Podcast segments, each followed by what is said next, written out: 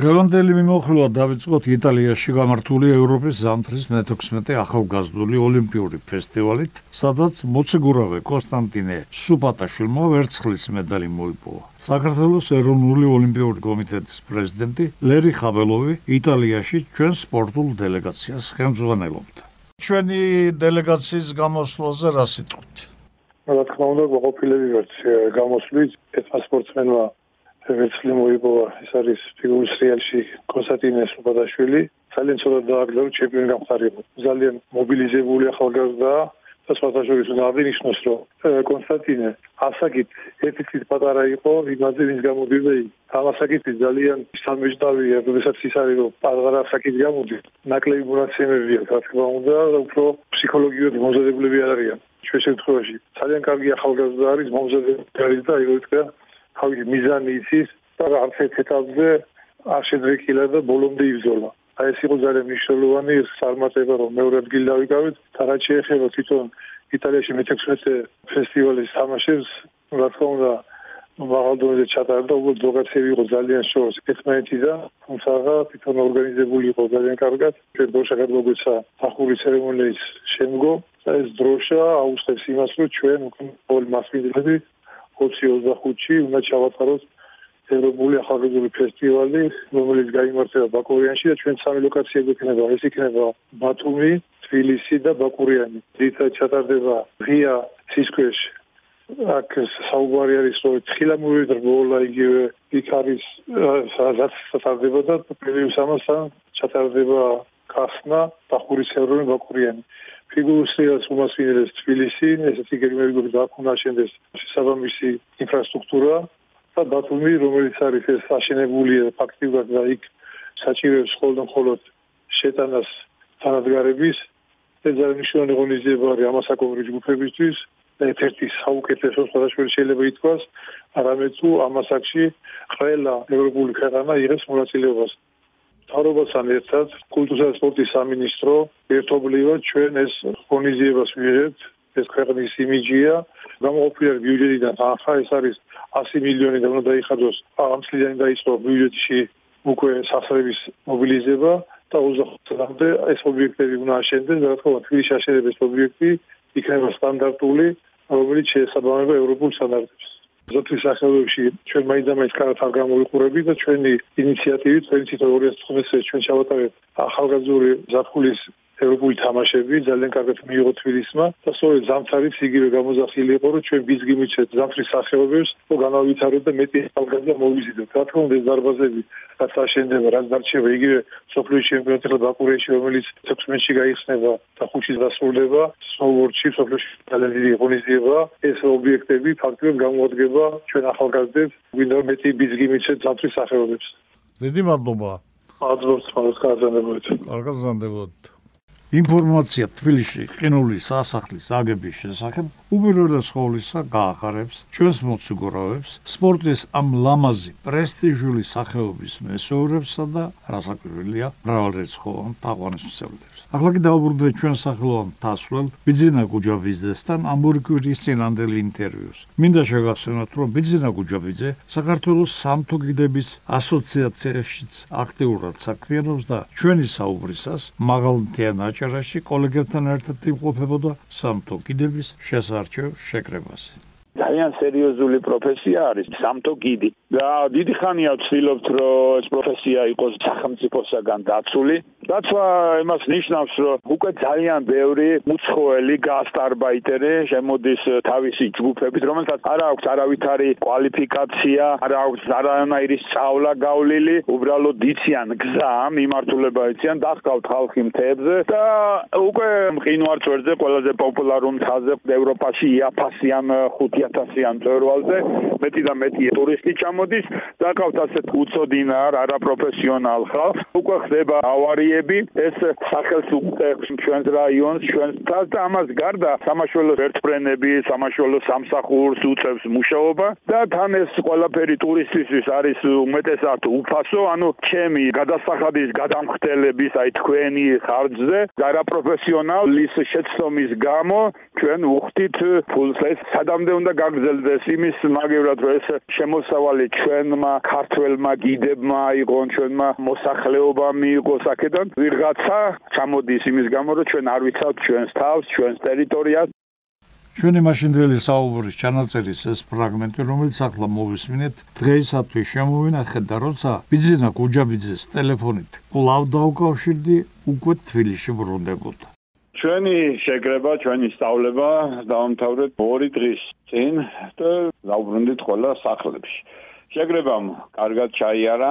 საბოლოო ჯამში ჩვენ დაგვჭა 21 სტუდენტი მისაღები გამოცდების შემდეგ. კარგი ახალგაზრდები არიან და ძალიან მაღალფილი დავრჩით ყველანი.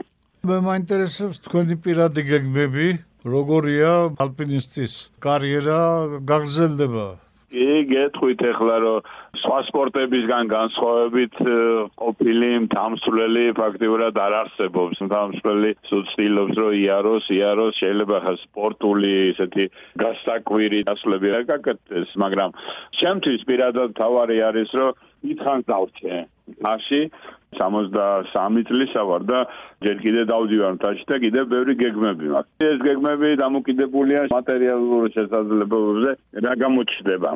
სხვა სპორტებისგან განსხვავებით ხელფასი ჩვენ სპორტისგან არა გვაქვს, ანუ ჩვენ თვითონ უნდა ვიშოვოთ ან სპონსორი, ან ჩვენ თვითონ უნდა გამოვიმუშავოთ მაშინ რა და ამის მიხედვით, ანუ გადაწყვეტილი ამ წუთში ახლა ვთქვათ მომავალი წლის გეგმა, ანუ წლევანდელი სეზონის გეგმა ბოლომდე არ არის გარკვეული, მაგრამ შეიძლება იყოს ასე რომ წავიდე პაკისტანში ძალიან მინდა. 10 წელი ხდება იმ ტერორისტული აქტის შემდეგ რაც ნანგა პარბაძე მოხდა და რაღაც ჩვენი მეგობრები ვინც იქ ვიყავით გეგმავთ ამ ასლას თუ გამოგვივიდა თუ არა იმედი მაქვს რომ დავალ პამირში ან ტიანშანზე ან ორივეზე ერთად თუ შევძელი კლიენტის დაყვანა რომ აი გზის ხარჯები და იქ ცხოვრების ხარჯები ავანას ყავრო. თუ ესეც არ გამოვიდა, მაშინ უშბა აგერა გვაქვს და კავკასიონი აქ არის და აქ ქვილი და საერთოდ რაცია, სანამ თვითფრინავში არ ჩაჯდები, სადმე არ გაფრინდები, არ არის გარკვეული ბოლო წუთებამდე.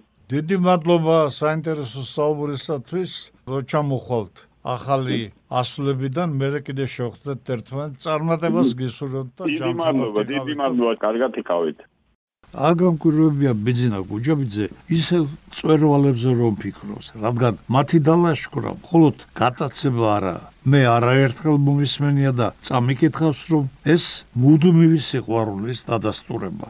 ახლა ფეხბურთსაც მიხედოთ და საფეხბურთო კლუბის გორის დილას სპორტულ დირექტორს ვანო ხორგუაშვილს მოусვინოთ. მივესალმები სპორტულ საზოგადოებას და მინდა გადაგიხადოთ დიდი მადლობა რომ გამოთქვათ ინტერესს ჩვენი გუნდის მიმართ. ეხლა რაც შეეხება ჩვენ გუნდს, როგორც მოგეხსენებათ, მესამე ადგილზე დავამთავრეთ სეზონი და შეფასდა ძალიან დადებითად. ამასთანავე მოვიპოვეთ კონფერენც ლიგაზე საგზური და ვეცდებით იქაც თავი არ შევირცხინოთ და ეტაპები გადავლახოთ. პირველ რიგში მინდა მადლობა გადაუხადო იმ ფეხბურთელებს, რომლებმაც დაგვტოვეს ზოგს კონტრაქტი ამოეწურა, ზოგი ისე რაღაც მიზეზების გამო წავიდნენ და მინდა მადლობა გადაუხადო, რამე თუ ძალიან ბევრი რამე გააკეთეს გუნდისთვის. ასევე დასაკვირველია ახალი სეზონიდან რამდენიმე ფეხბურთელი დავიმატეთ.